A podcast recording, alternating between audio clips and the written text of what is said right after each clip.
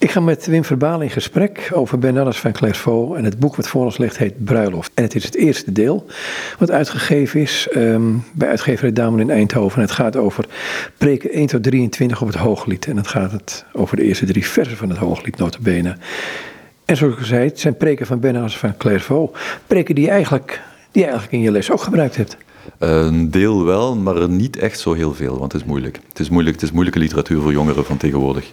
Die hebben eigenlijk al die voeling kwijt, die weten niets van het hooglied natuurlijk. Die kennen die hele christelijke taal niet meer, die uh, Bernardus natuurlijk wel gebruikt.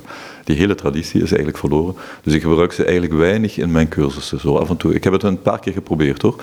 Uh, ik heb het geprobeerd, het is heel vreemd, maar hier in België pakt dat heel moeilijk. Ik heb het een keer gedaan in Amsterdam. En dat was het geen probleem. Dat was fantastisch. De, daar waren alle studenten gefascineerd. Hier is dat veel moeilijker. Nou, ik, ik heb het gelezen en ik, ik, ik, ik, vind, hem, ik vind hem boeiend. Ik heb al meer van hem gelezen. Um, omgekeerd vind ik een evangelisch traktaat waar ik denk, ja, dat zou elke christen moeten lezen. Gewoon, gewoon fantastisch. Dit ook. En dit gaat meer naar de intimiteit toe. En wat mij bij hem zo opvalt is dat hij de moed heeft, man en paard te noemen, de moed heeft om heel ver door te gaan, te zoeken, maar ook ver door te gaan in zichzelf. En dat doet hij dan aan de hand van drie versen van het Hooglied. De eerste drie versen, denk ik, ja, hoe krijg je dat voor elkaar? Dat was mijn eerste gedachte. Ja, dat is inderdaad het mirakel. Uiteindelijk, hij schrijft 86, 86 preken en hij komt niet verder dan het eerste vers van derde derde, hoe noemen derde hoofdstuk, derde kapiteltje van het Hooglied. Um, voor hem gaat het dan eigenlijk, het gaat ook niet om een commentaar te geven. Dat is een heel groot verschil met alle andere commentatoren, die willen het werk uitleggen. Bernardus wil het werk niet uitleggen. Bernardus wil eigenlijk dat, dat je het werk leeft. En dan heb je niet veel nodig. Dan kun je met één vers volstaan. En dat, dat doet hij dan ook. Hij blijft denken, hij blijft eigenlijk, hij komt terug op vers, hij gaat nooit verder dan dat, dat eerste vers van derde, het derde hoofdstuk. Dat is eigenlijk zo voor hem het eindpunt. Um, hij komt daaraan, als ik me niet vergis, in zijn 77ste of 80ste, zijn 78ste preek. Maar dan komen er nog een, een achttal preken na, waarbij hij eigenlijk gewoon door blijft gaan op datzelfde, op datzelfde vers. Het gaat, dat heeft heel te maken met zijn manier van aanpak, eigenlijk zijn, zijn, het is meditatief. Het is meditatief en eigenlijk je kunt inderdaad alleen het eerste vers al, kun je eigenlijk gewoon op door blijven gaan. En, eigenlijk, en natuurlijk, ja, er zit bij hem wel een idee achter natuurlijk. Er zit een heel programma achter. Dus hij is inderdaad eigenlijk, hij wil dat programma afwikkelen. Hij wil het programma uitbouwen. En eh, dus hij weet heel goed tot waar hij wil komen. En dat is eigenlijk het eindpunt. En heel, het, fantastische wat ik van, van Bernardus eigenlijk ongelooflijk vind, heel eerlijk gezegd zegt hij altijd hetzelfde. Het is eigenlijk dat hij zichzelf altijd herhaalt, alleen hij doet het elke keer op een zo andere manier. Het is zoals een schroef. Je maakt altijd dezelfde beweging en toch gaat die schroef altijd dieper.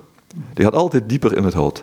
En dat is wat hij doet. Zijn, manier van spreken is als een schroef die inderdaad eigenlijk dieper en dieper in jezelf boort. Totdat hij op een punt komt waar hij niet meer verder kan en waar hij zelf verder moet gaan. En daar stopt hij dan ook. Hooglied associeer ik altijd aan intimiteit. Het is natuurlijk een, een wonderlijk boek in de Bijbel. Ehm, niet te vergelijken met enig ander boek, maar het, het, het, het is sprankelend. Het, gaat over geliefden, uh, over een kus. Um, het verlangen zit erin. Um, wat, is, wat is zijn insteek geweest bij deze preken? hoe, hoe leidt hij ons door dit boek heen? Of door deze preken heen? Voor Bernardus is het Hooglied eigenlijk een, een, basisboek. Je komt het eigenlijk in zijn vroegste teksten al tegen. Hij is altijd met de Hooglied bezig geweest. En ik denk dat dat te maken heeft met wat je zegt. Dat, uh, het is een intiem boek. Het gaat over intimiteit. Dat betekent ook eigenlijk dat het als boek de mogelijkheid geeft om in de mensen door te dringen. En omdat het geen vaste rolverdeling heeft, bijvoorbeeld, dat is ook al wie zegt wanneer wat, ja, dat is eigenlijk zo'n typisch eh, probleem van, de, van het hooglied, kan hij daarmee spelen. En kan hij rollen verwisselen. Bernardus is een pedagoog. Hij wil mensen vormen. Hij wil mensen inderdaad brengen tot een moment waarop ze eigenlijk Eigenlijk moet ik zeggen, hij, wil ze eigenlijk, hij ziet zich, zijn klooster en zijn manier van, van, van, van schrijven, dan zit hij als een spirituele hogeschool. Als een parallel voor de universiteit. De universiteit, dat is materieel, dat, leert, eh, dat, dat ontwikkelt de reden. Wat hij wil doen, is de hele mens ontwikkelen. De mens eigenlijk die geestelijke basis geven. En, en dat, daarvoor is het hooglied perfect in zijn ogen. Omdat het hooglied eigenlijk, je kunt alleen je kunt een aanzet geven. Het gaat de hele tijd over aangetrokken worden, over meetrekken, over beweging, over ergens aankomen en toch nooit ergens aankomen, over altijd verlangen naar meer en eigenlijk jezelf altijd overstijgen en toch altijd weer uit je handen verliezen. Het glipt door je handen. Het is dat, dat, is ook eigenlijk het einde natuurlijk van, van wat Bernardus doet. Uiteindelijk is het, het einde is dat, dat je op zoek gaat. Je, je, je gaat weer op zoek, want je bent hem weer kwijt. En dat is die hele, dat, dat voortdurende gaan en komen, dat voortdurende spel van, van, van krijgen, nemen, moeten geven, dat is wat voor Bernardus fundamenteel is. En daarbij komt een ander element, wat voor Bernardus heel belangrijk ook is, is dat het, het Bernardus idee, idee zit eigenlijk in twee, in twee luiken als in zijn pedagogie. Je moet mensen opvoeden, dat zij een bruid kunnen zijn, de bruid van het hooglied, maar uiteindelijk moeten zij moeder worden.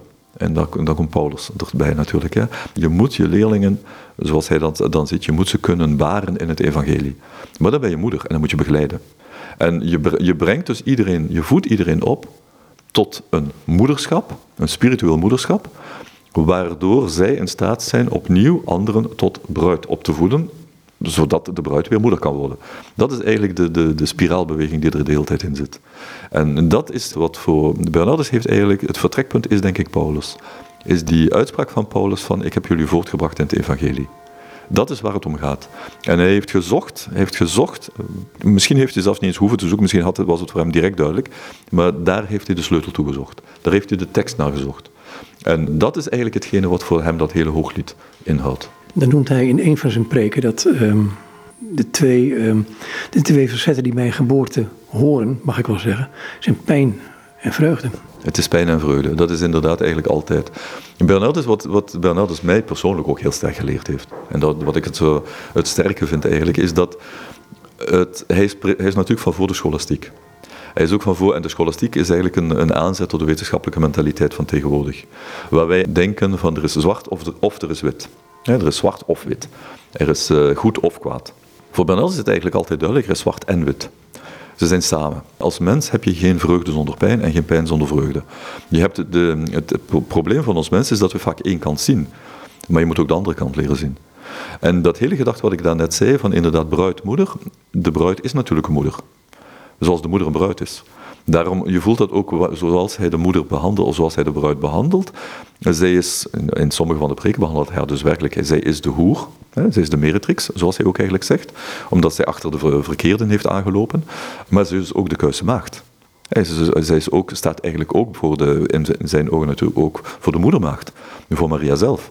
En dat is niet omdat, um, omdat die twee als het ware in Maria of dan voor hem verenigd zijn. Nee, het heeft er eerder mee te maken dat als mens heb je die mogelijkheden in je. Als mens zit je eigenlijk altijd, je wordt altijd gespannen tussen die twee uitersten. In een van zijn andere teksten, vroege teksten, zegt hij dat heel mooi, dat hij met zijn verlangen eigenlijk al door de hoogste hemelen zweeft, terwijl hij met zijn voet, zijn luie voet, zijn lamme voet nog altijd op aarde staat. Ja, het is die verscheurdheid die typisch menselijk is. En daar werkt Bernardus mee. Daar werkt hij voortdurend mee. Dus hij spreekt over het feit, je zit, het, gaat ook altijd over die tweeheid. Hè? Je hebt de twee voeten die je moet omhelzen. Je hebt de twee handen die je moet kussen. Um, je hebt de voet eigenlijk van, het, um, van degene, de, voet waar je, je, je moet sterkte krijgen, dat krijg je van de handen. Maar je moet ook boete doen. En je, kunt, je zweeft de hele tijd van de een tot de ander. Je kunt het, je, de handen moeten je optrekken, maar ze mogen niet hoogmoedig maken, dus moet je terug naar de voeten. Het is die beweging waar je, de hele tijd, het, uh, waar je de tijd mee te maken krijgt. Hij gaat onder andere van die tekst, dat hij kussen mij met de kussen van zijn mond. Um, hoe komt hij tot die intimiteit? Want het is één ding om het te zeggen, uh, één ding om het woord intimiteit te gebruiken, maar en dan gaat het om die intimiteit met God. Hoe kom je tot dat punt? Want daar gaan de meeste preken ik wel over. Hij heeft het dan over reden, over um, het geheugen, um, de wil, uh, die daar heel belangrijk in zijn. Uh, punt van overgave. Maar goed, ik loop nu op de dingen vooruit, maar Kun je me daarin meenemen? Of ik je kan meenemen, weet ik niet. Dan moet je bijna alles lezen. Dat, die, die, of hij. Ik heb het gelezen. ik bedoel, ik vind het een fantastisch boek. Maar er staat zoveel in dat, dat ik... Ik weet soms niet eens waar ik beginnen moet met hem. Want het is, elk hoofdstuk is een keurige een dag uh, of langer over mediteren en, en, en over nadenken. Daar kan ik je geruststellen dat ik ondertussen ben ik denk ik 30 jaar met Bernardus bezig en ik heb het nog altijd hetzelfde. Ja, het is eigenlijk nog altijd dat ik inderdaad elke keer weer verbijsterd ben en verrast ben over waar hij me meeneemt. Ik, kan zijn teksten blijven lezen, ik kan ze gewoon blijven mediteren en ik weet, kom altijd weer ergens anders uit. Bernardus is een van die auteurs die je niet kunt ontgroeien, omdat hij eigenlijk met zijn... Hij, het is ook niet goed te zeggen dat hij met je meegroeit, want hij groeit je altijd vooruit. Hij is altijd een stap verder dan waar je bent. Nu, wat, wat die intimiteit. Wat die, intimiteit is, dat is moeilijk om te zeggen hoe je dat bereikt. Het heeft ehm, te maken met, ik denk ook dat er heel veel mensen zijn, en dat een van de grote problemen is, hij is niet makkelijk natuurlijk. Hij is geen makkelijk auteur. Hij vraagt dat je hem leest, dat je hem herleest, dat je hem herkoudt, dat je, hem, dat je, met, dat je eigenlijk met hem meegaat. En hij vraagt als een, een, een 12e eeuwse abt dat je je volledig aan hem onderwerpt. Dat is een van de zaken die ik eh, geleerd heb. Je kunt Um, dat is een, zijn tijdgenoten hebben daar een paar hele mooie versen over gemaakt in het Latijn. Hè. Eigenlijk van dat een van de houdingen die je nodig hebt als lezer, dat is het eerste wat er gezegd wordt, is nederigheid. je moet jezelf nederig beschouwen.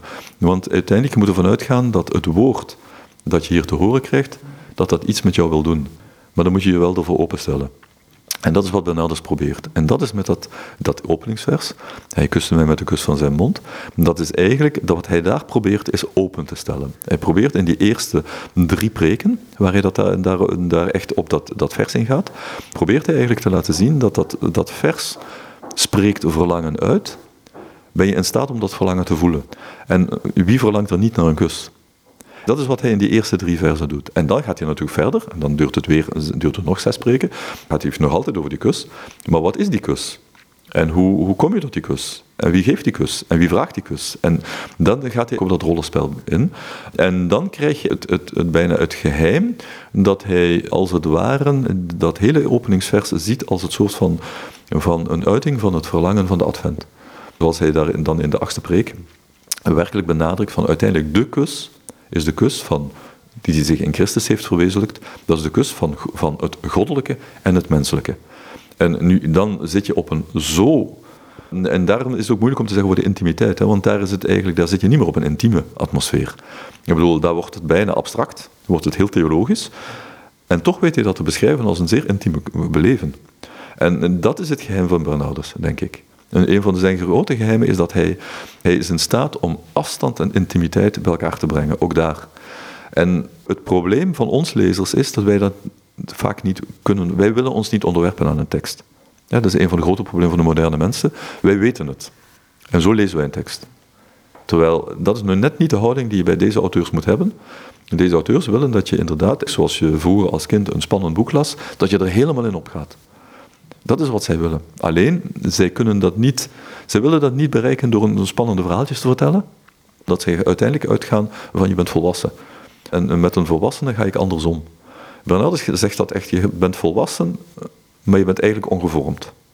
En, en dat is dan het andere spel wat ik ook heel mooi vind, hè, wat hij doet. Wij mogen niet vergeten dat hij ook in het boek, zijn imaginair gehoor, als ik het zo mag zeggen, zijn imaginair publiek, dat zijn de monniken van zijn klooster.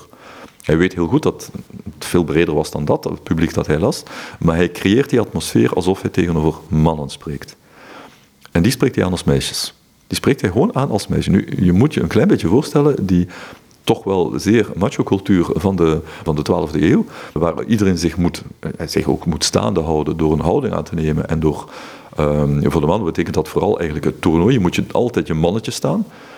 En dan word je aangesproken als meisje. Dat, dat is een enorme klap. Wij denken dan dat is denigrerend. Het is niet denigrerend. Het is gewoon een klap. Het is een klap in het gezicht. Want een vrouw doet iets anders. Die moet ook haar vrouwtje staan, een mannetje staan. Eigenlijk zoals de uitdrukking is mannetje staan. Maar ze doet het op een andere manier. De rollen waren heel goed verdeeld. Hè? Iedereen had zijn positie. Iedereen had zijn, zijn uh, sociale rol en sociale functie die hij moest vervullen. Dus als je een man die getraind is, en er zijn twee soorten mannen bij Bernardus in het klooster waar je vooral aan moet denken. Dat zijn de studenten die getraind waren in dialectiek, uh, die getraind waren dus in dat intellectuele woordenwisseling, intellectueel toernooi. En dat waren de ridderzoons, eigenlijk de krijgers die getraind waren in het lijf-aan-lijf gevecht. Um, dat zijn dus twee zaken die, uh, die zeer mannelijk werden, als zeer mannelijk werden gezien. En zij worden dus aangesproken als meisje. En, dat Bernard doet dat heel bewust. Ze worden aangesproken als klein meisje. Als een meisje dat nog moet groeien. En het ideaal van die meisjes is niet de held te worden in het toernooi. Het ideaal van die meisjes is de bruid te worden, is moeder te worden. Dus met andere woorden, eigenlijk in, in de maatschappelijke context van dan, de passieve rol aan te nemen. Dus die mannen worden gedwongen om hun mannelijkheid te laten varen. Um, Bernardus doet dat ook andersom dan, hè, want hij zegt dan uiteindelijk, als moeder kun je, alleen als moeder kun je de ware man voortbrengen, en dat is Christus. Want de, het man, dat, de man, dat is voor hem dan het woord. En daar zit je dus met die hele, die hele spanning. Het is heel moeilijk, want om dat uit te leggen aan studenten is niet altijd zo eenvoudig, want ze zitten dan natuurlijk met het zij niet-binaire van tegenwoordig, het zij het transgender gegeven, maar dat, dat zijn allemaal dingen die op die wereld niet van toepassing zijn. Omdat er heel duidelijk wel een binaire structuur is, omdat er heel duidelijk wel een, een, een gescheiden genderbeeld is, maar dat een gender niet, niet gekoppeld is aan het biologische geslacht. En dat is nog iets anders dan het niet-binaire wat wij hebben. Want het is geen identificatie, het is een tijdelijke identificatie. Maar dat betekent dat Bernardus die zijn gehoor ook aanspreekt op hun meest innerlijke trots en hun meest innerlijke eergevoelens. En die gaat hij te lijf. En dat maakt dat de twee zaken, dat hij zo'n enorme weerstand had, heeft, heeft ondervonden vaak, maar ook dat ze zich, dat velen van zijn, zijn monniken zich lieten meeslepen. Ja, want dat gebeurde door niemand. Dus daar voel je ook dat er, een, dat er een, eigenlijk die intimiteit, hij pakt direct het innerlijke aan. Hij gaat direct heel intiem te werk. Gebeurde dat eerder in de context van kloosters of in de context van de maatschappij? Of, of is hij daar nieuw in? Het zal misschien hier en daar wel een keer gebeurd zijn, maar ik moet eerlijk zeggen dat ik daar weinig van ken. Omdat meestal wordt er wel echt uh, vertrokken van uh, de natuurlijke en sociale context van de, de monniken die tegenover hem staan. Er is een klein beetje een spel geweest natuurlijk met het feit dat monniken natuurlijk een engelenbestaan leiden. Dus eigenlijk zich hun mensdom moeten achterlaten en tot engelen moeten worden. Maar dat is nog iets anders natuurlijk. Bernardus doet dat niet. Dat kom je eigenlijk, hij, spreekt er soms wel over, je moet engel worden. Maar hij geeft ook direct aan dat dat als mens niet kan. Hij is heel realistisch. Hij staat echt wel met twee voeten op de grond. Zit hier ook de, de spanning in tussen groepsgebeuren en individualiteit? Ja, Bernardus weet heel goed dat hij tegenover een groep spreekt.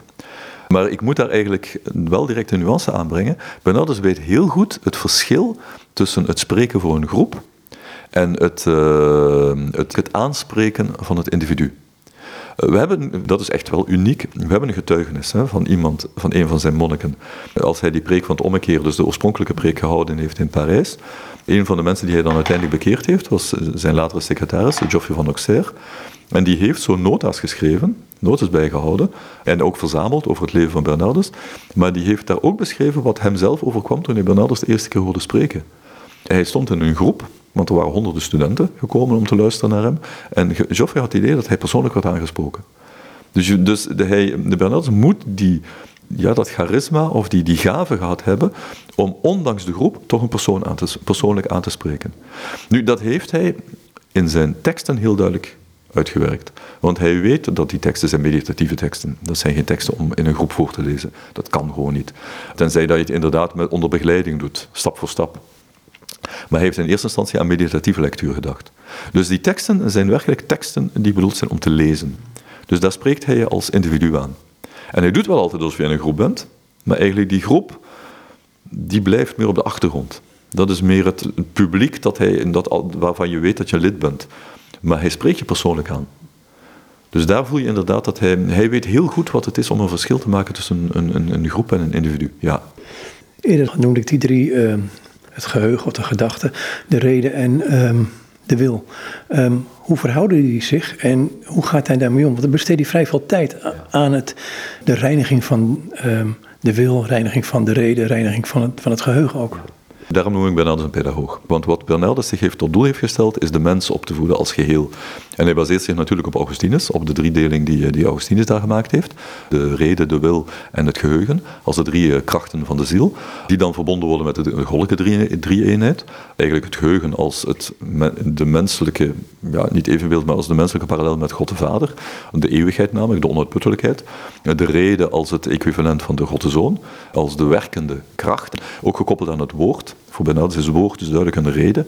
En dan de ziel, die Bernardus meteen verbindt ook met de affectus. Ook dat is niet van hem, dat doet hij, haalt hij ook uit de traditie natuurlijk.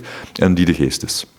En dat zijn eigenlijk zo die drie elementen. Nu, Bernardus wil die drie elementen van de ziel zuiveren. Hij wil die opvoeden.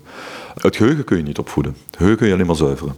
Want het geheugen is er. Je kunt de vader niet opvoeden. De vader is er. Maar je moet open zijn voor de vader. Dus je moet dat geheugen openmaken naar de vader. Je moet die opnieuw, die diepte, je moet die eeuwigheid, die onuitputtelijkheid delen met de vader. Dus moet hij concentreren, Bernardus, zich heel sterk op de andere twee. De reden en de, en de wil. En dat doet hij eigenlijk door de, door, de hele, door de 86 preken heen. Hè. Er zal nooit een moment komen dat hij zal zeggen van nu is het gedaan, de reden is opgevoed, de reden is gezuiverd of de wil is gezuiverd. Nee, dat, zal, dat is iets wat voortdurend terugkomt. Het startpunt is altijd de reden. Want de reden kun je aanspreken en de reden kan dingen begrijpen, maar dan begint het echte gevecht. Want de wil wil niet mee. Hij heeft daar in de ommekeer die prachtige, die prachtige vergelijking die hij dan maakt, dat beeld. De wil ligt ziek te bed. De reden is bewerkt door het woord van een predikant en, ziet de, en krijgt eigenlijk het prachtige uitzicht te zien van het, dan van het geheugen van wat dat zou kunnen zijn. Komt naar de wil om die eigenlijk mee te krijgen, maar de wil is te zwak, die wil niet. Alle ledematen komen in opstand, want de wil beheerst het lichaam. En dus je krijgt eigenlijk die, die, die strijd tussen reden en wil, waarbij de reden alles probeert te doen om de wil te sterken en mee te krijgen. Dat is eigenlijk wat Bernardus de hele tijd doet. En dat betekent dat hij eh, heel verstandelijke en ontzettend rationalistische uiteenzetting in de preken combineert met zaken die heel affectief zijn.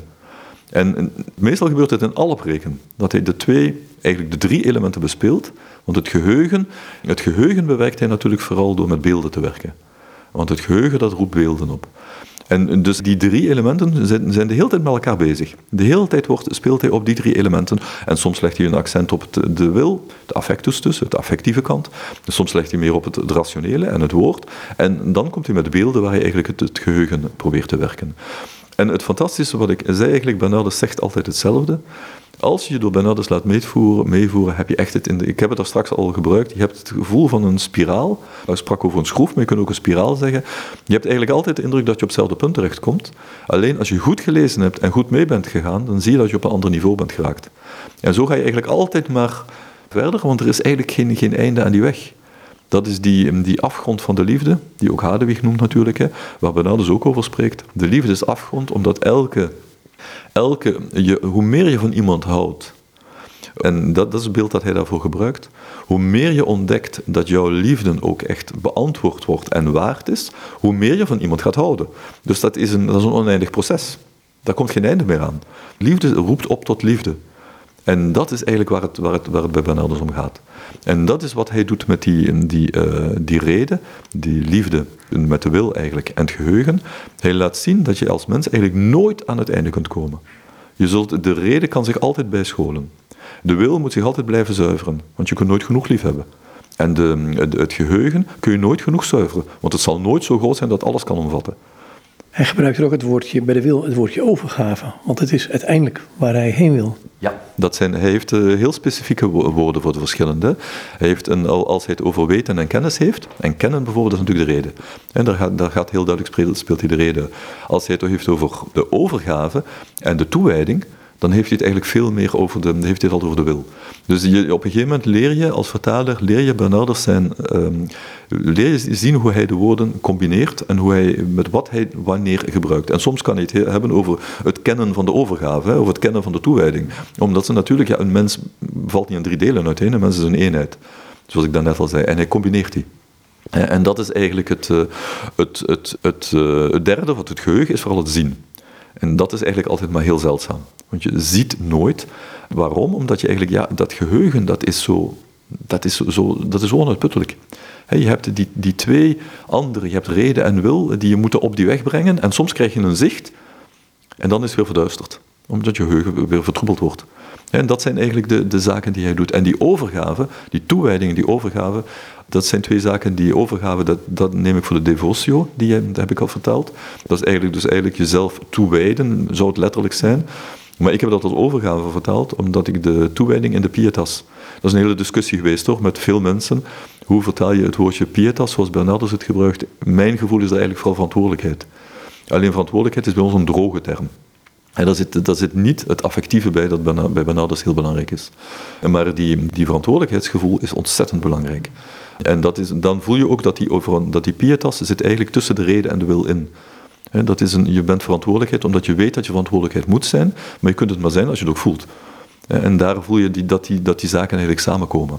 En bij toewijding kwam ik daar het, dichtst bij, denk ik. Dus dat zijn zo die elementen die eigenlijk, waar Bernardus, hij heeft natuurlijk zijn, zijn elementen die hij wil voeden, die hij wil opvoeden, de reden, de wil, het geheugen, maar die kun je ook niet bereiken. Je kunt niet de reden van iemand opvoeden. Dat kun je alleen maar doen door, dat doen ze op de universiteiten. Maar mensen kunnen het heel goed weten en helemaal verkeerd doen. Dus je hebt daar eigenlijk, en dat, is wat hij ergens anders gebruikt natuurlijk, en die, die, die beelden. En dus je moet verder gaan. Maar ook de wil, probeer maar eens een greep te krijgen op de wil van iemand, op het affectieve leven van iemand. Dat is heel moeilijk. En daarom gaat hij dan eigenlijk, dan komt hij tot de concrete zaken. Dan komt hij tot het gehoorzaamheid, wat overgave vraagt. Komt hij tot de nederigheid, die overgave vraagt, die toewijding vraagt. En dat zijn dan eigenlijk, en dat probeert hij dan te illustreren. En daar probeert hij eigenlijk in op te voeden. Dat is eigenlijk degene wat, wat, wat, wat hij doet. En daarvoor gebruikt hij dan een. Dat is werkelijk echt uniek. Daar is hij volgens mij de allereerste. Daarvoor gebruikt hij puur de theatertechnieken. Ja, we zitten in een, een tijd die het theater opnieuw ziet geboren worden. En Bernardus is misschien volgens mij de enige auteur op dat moment die daar de, ongelooflijke capaciteiten en mogelijkheden van ziet. Omdat, en dat voel je dus inderdaad met dat rollenspel. Hij, hij dwingt je in een rol. Maar je kunt die rol maar spelen als je je daar volledig aan overgeeft. En het fantastische van theater, wat Bernardus ziet, is dat je altijd jezelf blijft.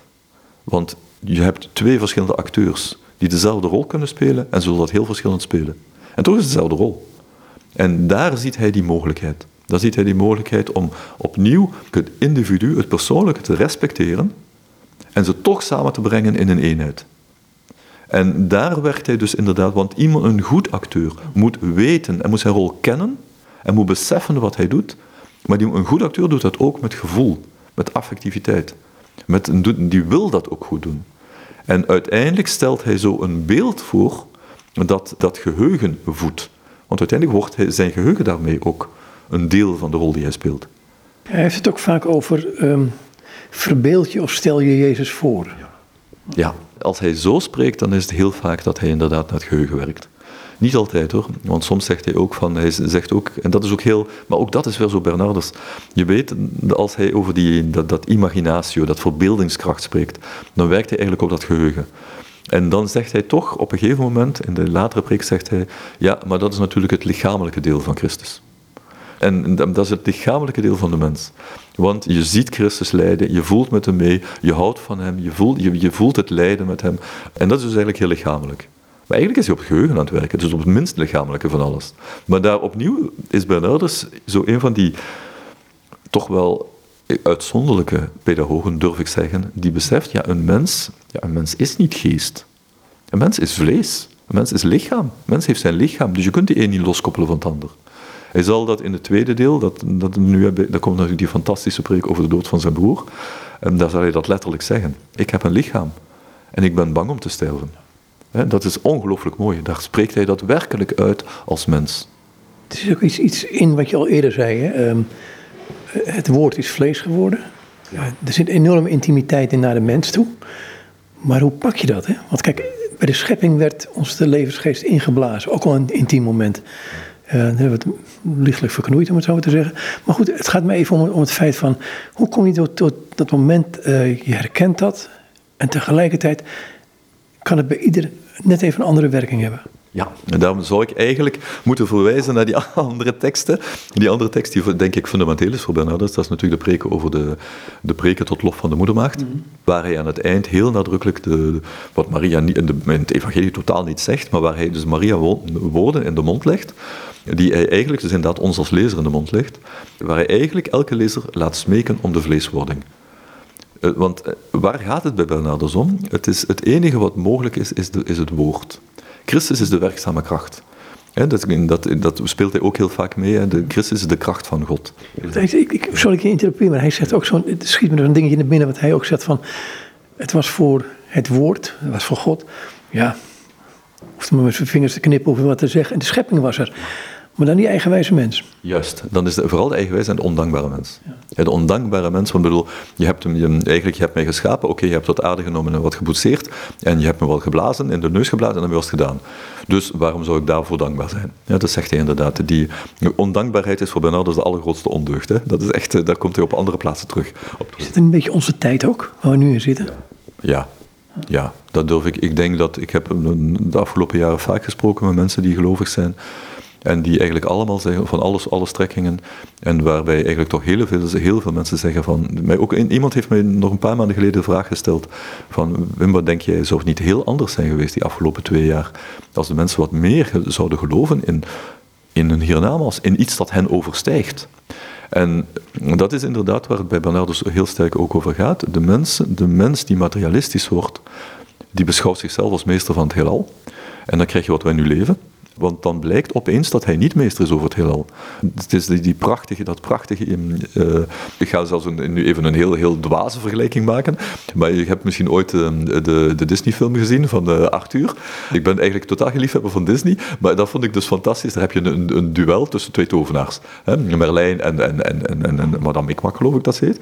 En als kind heb ik die gezien en ik vond het eigenlijk fantastisch. En op een gegeven moment verandert de, de, de heks zich in een draak. En denkt ze te, dus te kunnen winnen op die manier. Maar dan uiteindelijk is het Merlijn die verandert zich in een virus die haar een ziekte bezorgt. Ik vind dat zo fantastisch. Eigenlijk, nou, ik bedoel, Disney is, is flauwekul, maar wat het, het beeld dat erachter zit is zo fantastisch. Het is de arrogantie en de hoogmoed van de mens die dan geveld wordt door zoiets onbenulligs en banaals en eigenlijk zo laag, want het is zelfs niet, ze weten zelfs niet eens of het een levend wezen is, een virus, ja, dat eigenlijk door een virus. Dan denk je van, ja, mens, waar ben je mee bezig? Dat is het tegenovergestelde van wat Bernardus zegt. Die nederigheid, erkennen wat je bent, je eigen zwakheid erkennen en beseffen dat je afhankelijk bent van wat er om je heen gebeurt en van wat je geschonken krijgt. En natuurlijk, de mens heeft heel veel geschonken gekregen. Dat is ook het fantastische van de mens. De mens heeft die grootheid, de mens heeft die vrijheid, heeft die enorme grootheid van geest. Om daar dan even een andere groot, echte grote naam tegenover te zetten, Pascal. Die, die fantastische beeld zegt van dat je als mens, je bent nog geen stofdeeltje in de oneindigheid. Oneindigheid van de tijd, oneindigheid van de ruimte in het universum, maar ook oneindigheid in de ruimte in jezelf. Je bent nog geen stofdeeltje in het geheel en toch kun je het allemaal omvatten. Dat is, dat is die, die ongelooflijke menselijke dualiteit waar Bernardus oog voor heeft. En dat vind ik onvoorstelbaar. Dat is het onvoorstelbare dat hij inderdaad, dat hij daar de mens zegt van daar moet je dank, kun je alleen maar dankbaar voor zijn. En dat is eigenlijk het, het, het heel, sterke, uh, heel sterke punt. Nu zit ik even te denken wat je vraag ook weer was. Uh. Ja, daar zit ik ook te denken. Maar ik, ik, ik, ga me door op dit, dit thema, want ik denk we komen er vanzelf alweer. Um, is het punt van um, die lichamelijkheid, die incarnatie. Um, hoe kun je dat eigen maken? Hij heeft gebruikt termen als uitgieten, het ingieten, het bij je laten gebeuren. En dan heeft hij het ook over, want hoe kun je die incarnatie gestalte krijgen in jou? Hij zegt, nou dan, dan kom je bij het werk van de geest. Wat je misschien alleen maar kunt herkennen door de geest, want zonder dat, zonder hem, is het niet mogelijk. Ja. Dat is een van die, ook een van die zaken die we nou, ik, ja, ik, heeft mij veel leren denken, of veel leren begrijpen eigenlijk. Het is basis christen zijn eigenlijk. Hè? Ja, en wat hij bijvoorbeeld eigenlijk zegt is inderdaad van natuurlijk waar het om gaat allemaal is dit, vooral deze eerste preken zijn natuurlijk preken over het verlangen. De tweede preek gaat er helemaal over, um, maar eigenlijk dat hele, hele, de hele eerste deel tot die 23e preek gaat over het verlangen.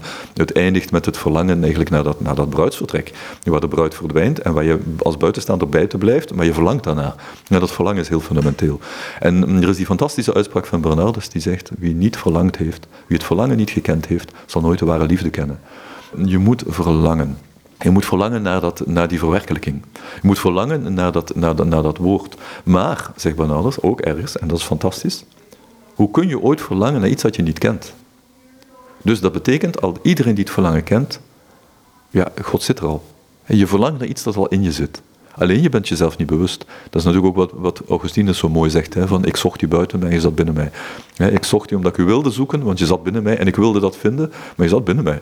En dat is wat Bernardus eigenlijk ook zegt. Je zoekt hem, je verlangt naar hem, omdat je hem al kent. En natuurlijk, omdat je hem al kent, wil je hem vinden, wil je hem vinden. En je kunt hem vinden, je zult hem niet alleen in jezelf vinden. Zodra je Christus vindt, dankzij het woord, en daar dat woordje zo nog wel op terugkomen, dat is natuurlijk het belangrijke.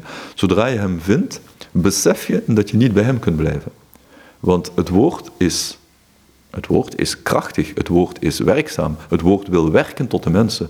Dus je vindt Christus door hem te verlaten. En dat is eigenlijk van door hem te verlaten in de zin, niet door hem te willen vasthouden, maar door eigenlijk terug te gaan naar de mensen. Is, is dat niet die rare tegenstelling die voortdurend in het christen zijn zit? En je moet je leven verliezen om, om het te vinden. Maar ook overgave, wat je vrijheid betekent. Het is over die rare, nou rare, van die merkwaardige tegenstellingen. Christen, christendom is inderdaad, Burgt Pranger heeft dat ooit gezegd, hè, dat is een, ik een fantastische definitie vind van het christendom. Christendom is de, de, de, grote godsdienst of de godsdienst van de grote afwezigheid. Ja, het is eigenlijk, het is, je bent eigenlijk, het hele christendom is gebaseerd op leegte. Eigenlijk op de niet-aanwezigheid van Christus. En dus eigenlijk, het hele christendom is een verlangen naar die aanwezigheid die er niet is. En dat maakt eigenlijk wat je zegt, dat is betekent, want je kunt alleen maar die aanwezigheid ervaren door de afwezigheid ervaren. dat is eigenlijk het, het, fantastische moment, dat misschien de, de, een van de, van de cruciale momenten natuurlijk eigenlijk in het christendom, is die, die kreet van Christus aan het kruis, van mijn God, waarom hebt u mij verlaten? Want daar was God aanwezig, in de meest, meest essentiële zin. Ja, het is die, die, die dubbel, inderdaad, zoals je zegt, die dubbelheid. En het fantastische bij Bernardus is dat hij voortdurend laat voelen dat dat niet een zaak is van, van momenten. Dus het ene moment is hij aanwezig, dan is hij afwezig, maar het is altijd tegelijkertijd. En je voelt dat soms wel, soms voel je hem meer aanwezig en soms voel je hem meer afwezig. Maar uiteindelijk is dat niet een kwestie van, van afwisseling, het is een kwestie van voortdurend samen zijn. Toch om terug te gaan naar een ander deel van de vraag is, je hebt de Heilige Geest nodig, want zonder hem kun je eigenlijk niets van dit alles ontdekken. Ja, en daar gaat Bernardus, we zijn nu natuurlijk eigenlijk heel erg eigenlijk bijna op mystieke atmosfeer aan het komen. Terwijl Bernardus eigenlijk, en dat vind ik dus zo fantastisch, ook direct heel concreet blijft. Bernardus is het eigenlijk heel eenvoudig. Hij als, als, als pedagoog, als spirituele pedagoog, als pedagoog van de geest, moet woorden gebruiken. Nu, van Bernardus, dat is gezegd, Bernardus spreekt Bijbel. En in, in, een van zijn biografieën wordt gezegd, het lijkt of de Heilige Geest hem volgt. Het is eigenlijk omdat hij, omdat hij gewoon zo bijbels spreekt. De Bernardus doet dat heel bewust. Omdat natuurlijk het woord van de Bijbel is het woord van God. En als jij bijbels spreekt, spreek je dus het woord van God. Dus dan zit in jouw woorden ook Gods woord verborgen. Het enige woord, het levende woord. En door dat, door dat te spreken, door dat uit te spreken, dat is het werkzame woord. Nu, als dat woord op de juiste aarde valt, en iemand dat hoort, open gaat, zich opent voor dat woord, want dat is heel belangrijk, dan kan de geest werken. En de geest doet dat natuurlijk, want je, gaat, je kunt niet open gaan zonder dat de geest al werkt, maar je kunt je er ook voor afsluiten. En dan kan de geest niet werken. Dan, de, geest forceert, God, de geest forceert niet. De mens heeft één grote kracht, één grote gave gekregen natuurlijk, en dat is zijn vrijheid. Hij heeft de vrijheid om te kiezen. En het goddelijke zal hem niet dwingen. En daar zit natuurlijk, daar zit hij in, ook weer opnieuw die, die spanning. Ehm, de mens kan er niet aan ontkomen, want het goddelijke zit in hem. Maar hij zal, hij zal niet gedwongen worden. Hij heeft de volledige vrijheid om, de, om te zien hoe hij ermee omgaat. Maar opent hij zich, laat hij zich openen door de geest, laten we het zo zeggen. Laat hij zich openen door de geest, dan kan de geest werken. En dat is heel eenvoudig. Dan betekent opeens dat de woorden die je leest, dat die opeens een andere betekenis krijgen. En dat is eigenlijk waar het, de geest werkt de geest doet je begrijpen. En dan wordt opeens, de, dan, ga je, dan ga je leven met die woorden. En als je gaat leven met die woorden, ga je leven vanuit die woorden, ga je leven door die woorden en geef je opnieuw invulling aan die woorden. En alleen dan kun je opnieuw met eigen woorden een ander bereiken. En dat is eigenlijk ook weer datzelfde wat, denk ik dat dat een Geoffrey van Auxerre ook bedoelt, waarom Bernardus zo'n goede pedagoog is. Bernardus staat eigenlijk voor een van die leerkrachten die hun leerlingen weten te fascineren. Waarom? Omdat ze, omdat ze niet een lesje afdraaien. Omdat ze gewoon eigenlijk, ze staan voor wat ze zeggen. En toch weet Bernardus heel goed wat hij zegt. Het is niet dat hij, dat in zijn persoonlijke kaarten laat kijken. dat doet hij eigenlijk helemaal niet, want we weten eigenlijk heel weinig van Bernardus uit zijn teksten zelf. Dat moet ook gezegd worden. Dus hij weet heel goed wat hij doet, maar hij weet het ook zo te brengen dat je daar een volledige mens voelt. Een volledige mens. En dat enthousiasme, dat weet hij, enthousiasme kun je het ook zeggen natuurlijk, hè. door dat enthousiasme weet hij eigenlijk bij de ander, bij de luisteraar, bij de lezer, misschien, hopelijk, een snaar te raken. En dan kan de geest zijn werk doen. Enthousiasme, dacht ik, dat betekent iets als in God zijn, hè, dacht ik. Maar goed, ehm, hij noemt er ook op een gegeven moment, als ik even naar een ondeugende zijstracht ga, naar de theologie. Hij zei, er zijn theologen die het wel weten, maar die eigenlijk het woord gebruiken om als een droge korst om op te knabbelen. Dat zijn de woorden van Bernardus ook, hè? ja, dat is inderdaad. Hij spreekt daar inderdaad op één passage heel duidelijk over, omdat hij vooral in deze eerste, dit eerste deel reageert hij ontzettend sterk tegen de meesters op zijn scholen. We zitten, Bernardus ziet het, de geboorte van de universiteit, van het academie. En dus dat is het verhaal met, uh, is het Abelardus geweest? Ja. En, en, Willem van Sint-Thierry, die heeft eh, trouwens met hem in een ziekenboeg gelegen, maar goed, die heeft er daar ook behoorlijk tegen afgezet, tegen dat, dat Nou, scholastiek is het niet. Het is universitair eigenlijk. Het is nog niet scholastiek. Het is, eigenlijk, het is ook nog niet universitair. Het is eigenlijk die voorfase. Het is de overgang van het, uh, het traditionele monastiek onderwijs naar wat het academisch onderwijs zal worden. Terwijl de monastieken blijven staan natuurlijk, maar gewoon voor de grote groep. En dus het eigenlijk het onderwijs van besloten kring eigenlijk. Want ook de, in de 11e eeuw heb je nog eigenlijk besloten kathedraalscholen. Redelijk, redelijk besloten, maar al veel opener. Uh, naar echt een universitair systeem zoals we dat dan in de latere middeleeuwen kennen. Dus dat is inderdaad, ja, Bernard, dat heeft met Abelardus te maken. Abelardus stond voor Bernardus een model voor die, die professor, voor de docent die eigenlijk alleen aandacht gaf aan de, aan de reden, aan de rationaliteit. En die niet de rest mee vormde. Ik zeg er altijd ook direct bij, Bernardus is ook wel een van de beste leerlingen van Abelardus geweest. Hij heeft heel veel van Abelardus geleerd. Hij heeft geleerd over de intentie, hij heeft geleerd over de... Dat heeft hij overgenomen van Abelardus. Hij heeft veel meer moeite gehad later met een echte academicus, Gilbert de Laporé, de vader van de Poretani, dat is, dan zitten we in de 48. Daar is Bernardus ook ingetrokken geweest om, die, eh, om dat eigenlijk te, te bevechten. Maar daar had je te maken met echt iemand, een pure, dat is echt een, een pure rationalist. Een pure rationalist. Gelovige rationalist, daar gaat het niet om, maar een rationalist. Dus je voelt die spanning. Nu, Bernardus ziet dat. Hij ziet die scholen komen. Hij heeft, hij heeft zelf school gelopen. We hebben zo'n periode van, van, van stilte in zijn leven, van 7, 8 jaar. we, we weten bijna alles over zijn leven daarvoor en daarna, maar van die periode weten we niets. Waarschijnlijk heeft hij daar ook wel geprobeerd wat van die scholing te volgen, maar dat lag hem niet. Dat, dat abstracte denken, dat theoretische denken, lag hem niet. En dat is eigenlijk waar hij, waar hij dan tegen gaat reageren. Wat hij wil is een totaalvorming. En wat hem waarschijnlijk het meest ontbrak in die in die nieuwe vorm van scholing die in Frankrijk heel sterk begon op te komen, dat is het, dat is het gebrek aan het affectieve. Hij zag dat de mens eigenlijk maar, ja, dat de mens tot een hoofdmens, zouden wij zeggen, een hoofdmens werd uh, omgevormd. Voor Bernard lag hij iets anders, want de reden zat voor hem ook in het hart. Hè, dus dat is niet helemaal het hoofd. Dus eigenlijk dat, dat, dat de mens op, verschrompelde. Dat hij affectief en armoedig werd. En daar heeft hij het hooglied in de strijd geworpen het hooglied als, het, als het de, de, tekst die rationeel ontzettend hoge eisen stelt, maar die over affectiviteit gaat. En daar heeft hij dus inderdaad het wapen gevonden waarmee hij die, die uh, pure rationaliteit te lijf kon. Het is ook heel opvallend dat de, het hooglied wordt becommentarieerd in die tijd. Hij is niet de eerste. Rupert van Deutsch is bijvoorbeeld een van de, degenen die ook een fantastisch traktaat geschreven heeft daar. Maar het is heel opvallend dat het toch wel afwezig is uit de schooltraditie. En dat bijvoorbeeld, een, er is die legende dat Thomas van Aquino zou gevraagd zijn door, door Cisterciensers waarom hij nooit het hooglied becommentarieerd heeft. En dat hij, dat gezegd heeft, ja, maar dat, jullie hebben al een goed commentaar. Hij heeft daar niet op in willen gaan. Maar dat heeft ook te maken met het feit dat het hooglied is op dat vlak natuurlijk moeilijk. Dat is heel moeilijk theologisch te vatten, omdat die affectiviteit zo belangrijk is. Puur rationeel theologisch moet ik dan natuurlijk zeggen. Hè, dat die affectiviteit zo belangrijk is. Hij was dan iemand die de mens niet buiten schot hield, maar er voortdurend mee ja, mee confronteren. Het mens zijn, laat ik het zo zeggen. Dus die verantwoordelijkheid gaat het in wezen ook over. Ja, ja, vandaar ook die ondankbaarheid dat er voor hem zo belangrijk is. Want je kunt geen verantwoordelijkheid voelen als je niet ook dankbaar bent. Verantwoordelijkheid is voor een stuk ook te maken, niet alleen met het feit dat je als mens sociale plichten hebt, maar ook omdat je dankbaar bent. Dat je mens kunt zijn en dat je bij mensen bent. En dat het eh, voor wat jij gekregen hebt, ben je dan verantwoordelijk voor degenen die dat niet gekregen hebben. Ehm, dat is eigenlijk wat Bernardus ook op werkt de hele tijd. Om wat hij krijgt, hij moet dat doorgeven. Ten eerste omdat hij abt is. Hij moet dat aan zijn monniken geven. Ten tweede omdat hij schrijver is. Hij moet dat aan zijn lezers geven. Ten derde omdat hij mens is, moet hij dat aan zijn medemensen geven.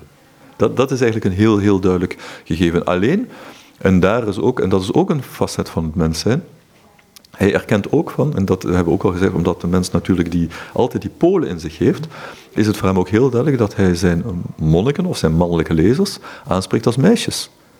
Want je kunt maar volledig mens zijn als je de twee bent. Ja, als je vrouw en man bent. En niet als je één van de twee bent. En dat je weet wat het is om vrouw te zijn in de samenleving. En dat je, om te weten wat vrouw te zijn betekent, is voor Bernardus heel duidelijk, dat, dan moet je weten wat het is om moeder te kunnen worden. En moeder te zijn. En dan komt het volgende. En je kunt alleen maar moeder zijn als je bevrucht wordt, als je ontvangt, laat ik het zo zeggen, als je ontvangt, als je het woord ontvangt. Ja, want dat is natuurlijk de spirituele moederschap waar het dan over gaat. Je moet het woord voortbrengen. En in het woord moet je dan je kinderen baren, zoals Paulus dat zegt. Pijn en vreugde. Hij gebruikt daar ook nog twee andere termen bij. Dat is, ehm, je kunt dus, ehm, jezelf gaan beschouwen bij het ingieten, om het zo te zeggen, als buis. Gewoon een doorgevertje gekregen hebt. Of als een waterbekken.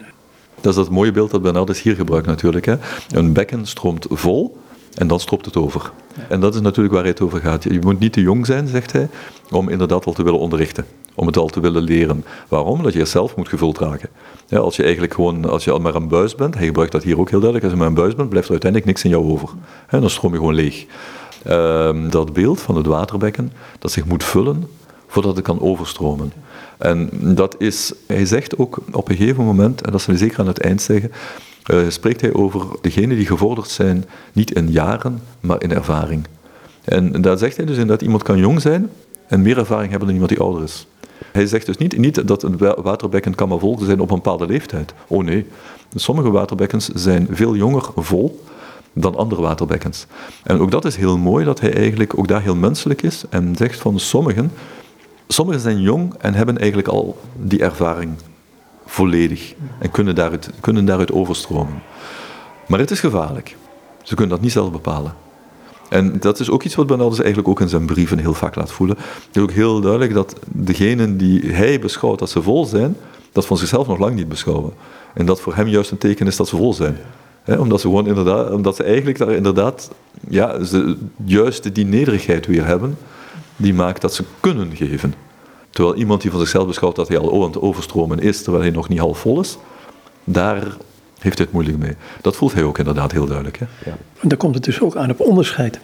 Ja, en dat onderscheid dat is, de, dat is de taak van de moeder. En daar komt eigenlijk eh, daar komt de moeder in het spel. De moeder die Paulus is. Hè, want eh, voor, we mogen ook niet vergeten dat Bernardus begint het al in de eerste zin van, zijn, van, het hele, van de hele preken staat Paulus. Hè. Paulus is fundamenteel voor hem.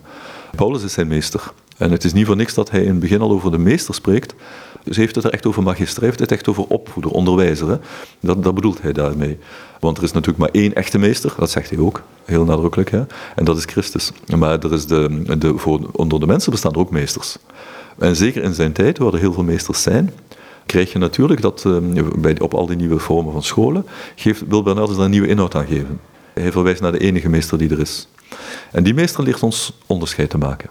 Die leert ons onderscheid te maken, maar je kunt alleen maar onderscheid maken, zegt hij. Je kunt onderscheid maken verstandelijk, rationeel, maar dan mis je het ware onderscheid. Want het ware onderscheid is dat van een moeder, die weet wanneer zij moet troosten en wanneer ze moet sterken, wanneer ze moet straffen wanneer zij, moet, um, wanneer zij inderdaad eigenlijk moet helpen om vooruit te komen.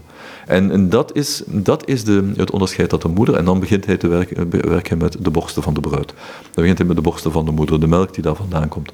Dan werkt hij met de handen, met de voeten. Eigenlijk dat onderscheidt altijd die twee, die twee polen die eigenlijk typisch zijn voor het meesterschap. Dat is niet de, de jongere kan dat niet. Je moet een, een in die zin van een halfgevuld bekken. Hè? In die zin. Die kan, dus, die kan heel oud zijn. Hè? Die kan, ehm, die kan, we kennen er genoeg van, van onze leeftijd. Hè? Die ondertussen eigenlijk die nog altijd maar half gevuld zijn. Dat is eigenlijk, ehm, maar daar gaat het bij hem om. Het gaat inderdaad van die, dat onderscheidingsvermogen. En dat kun je alleen maar leren aan jezelf. En daar komt dan uiteindelijk die zelfkennis. Je moet je eigen grenzen hebben ervaren. Want het gaat vooral over het ervaren van grenzen. En dan kun je eigenlijk pas beseffen wat het ja, wat je de ander kunt geven. Bepalen van je grenzen ligt ook dan heel sterk van uh, waar ligt mijn prioriteit. Want je kunt heel makkelijk, en dat, dat heeft in een van die brieven, een van die brieven, wat ik zeg, een van die preken over, dat je heel makkelijk kunt laten afleiden door zelfs wel goede dingen. Ja. Ja, dat is waar. En daarom heb je echt leiding nodig. En die leiding is, die, daarom heb je de leiding, en dat is natuurlijk eigenlijk een heel typisch gegeven van Bernardus, waarin hij dus eigenlijk inderdaad ook nog echt, wel echt met twee voeten in die katholieke traditie staat. Um, je hebt altijd middelaars nodig. Je hebt een middelaars nodig. Uiteindelijk om, er is uiteindelijk maar één middelaar, en dat is, dat is God en Christus, en de God in Christus. Maar Christus werkt via mensen. En dus die, die, je hebt die mensen nodig als middel. Hij zegt dat ook ergens als hij uh, zit te bidden met een droog hart. En dat hij gewoon eigenlijk met een dor hart en dat, hij eigenlijk niet, dat, dat het niet lukt. Dat het gewoon niet lukt. En dat dan opeens de gedachte, de herinnering aan iemand anders hem eigenlijk opeens doet ontdooien. En doet, doet smelten. In tranen en in warmte. Dat affectieve gevoel komt er opeens bij. Het is die, die, die bemiddelende rol die heel belangrijk is. Um, dus je hebt leiding nodig. En dat is eigenlijk voor Bernardus altijd belangrijk. Zelfs als Zelfs als leider heb je leiding nodig. Natuurlijk, die leider wordt altijd anders, wordt altijd van een ander niveau. Je zou dan bijna de orthodoxe, orthodoxie kijken, kennen, die kerken, waar je altijd hoger komt in de, met in de fresco's, totdat je bij de Pantocrator zelf komt. dat, is de, dat is eigenlijk de bemiddeling en de begeleiding die je nodig hebt. En daar is natuurlijk een gevaar dat je jezelf te snel overspringt. Dat je te snel denkt dat je de leiding niet meer nodig hebt. En dat je eigenlijk zelf leiding kunt geven zonder dat je eigenlijk nog leiding aanvaardt. Daar komt hij ook de hele tijd tegen in. Dat, dat, dat is het gevaar van de hoogmoed. Dat is de Lucifer-scène die heel vaak terugkomt bij hem. Dat is eigenlijk het beeld van de absolute hoogmoed. De hoogmoed die uiteindelijk denkt van dat, uh, die zichzelf overschat, omdat ze zichzelf eigenlijk geen grenzen meer wil opleggen.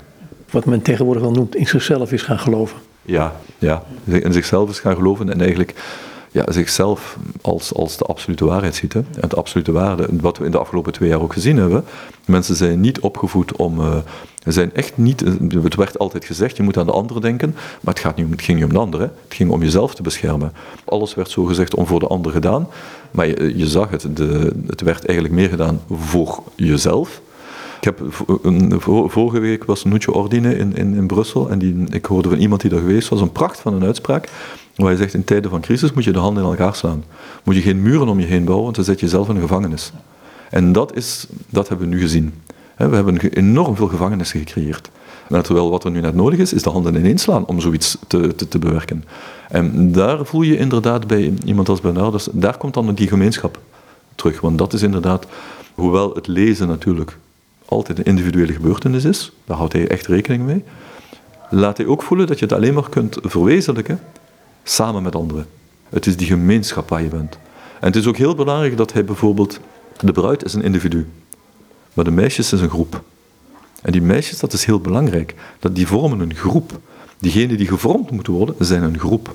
Want, en er zijn er die sneller lopen, zijn er die minder snel lopen, maar ze zijn een groep. En datzelfde geldt voor de vrienden van de bruidegom. Dat, zijn, is er ook niet eentje, dat is een groep. Maar uiteindelijk, dus je zit altijd met groepen en gemeenschappen. Maar uiteindelijk gaat het om die ene ontmoeting tussen die ene bruid en die ene bruidegom, waar je dan opeens in de 23e preek achterkomt dat die bruidegom heel veel bruiden heeft. En wat heeft heel veel kamers. En dat je als bruid niet in alle kamers komt, omdat hij gewoon ook andere bruiden heeft. Je zei iets wat ik ook bij hem tegenkwam in een van die, van die, van die preken. Dat, dat wonderlijke van, eh, je kunt ergens, je kunt vasten, je kunt dors zijn en één zo'n gedachte krijgen. Ik moet denken aan een schrijver uit de eind 19e eeuw, begin 20e eeuw, George MacDonald, een schot. Die in een bepaald boekje, ik weet niet of Fantastisch of Lilith is, een van de twee, uh, een van zijn hoofdpersonen laat zeggen: Ja, wie denkt mijn gedachten? Ik heb dat ook als ik denk, dan zit je ergens over, over lees je de Bijbel, je kijkt er en in ene is het zo'n aha-moment. Ik denk, waar komt dat nou vandaan? Ja, dat is, dat is, dat is eigenlijk wat, wat Bernardus het geheugen noemt. Ja, dat is eigenlijk een, uh, en dat komt door de geest natuurlijk. Het komt eerst door het woord, het woord dat je leest, het woord dat je hoort, dat iets aanzet. Maar wat ermee gebeurt en hoe ver, dat, hoe ver dat vruchtbaar kan zijn, dat bepaalt de geest. En het is vruchtbaar, het is pas echt vruchtbaar als het inderdaad dan opeens het geheugen open gaat. En het geheugen zich opent voor uiteindelijk die onuit, dat is heel platonisch natuurlijk, hè, voor die onuitputtelijke diepte die alle mensen verbindt. En dat, vandaar dat Augustinus ook heel dat, die geheugen, dat geheugen met God de Vader heeft verbonden. Dus uiteindelijk, dat haar erlevenis is eigenlijk inderdaad opeens jouw geheugen opent zich naar dat veel diepere geheugen, veel grotere geheugen, waar opeens iets binnen mag glippen binnen in jou. Je krijgt opeens zicht op iets anders. En dat is het fantastische natuurlijk ook in dat christendom, en het christendom zeker van een Bernardus. Je bent verbonden met die, die totaliteit, maar wel als individu. Want die hele totaliteit die komt opeens bij jou binnen. En nooit in zijn totaliteit, altijd zoveel als je kunt dragen en zoveel als je geopend bent.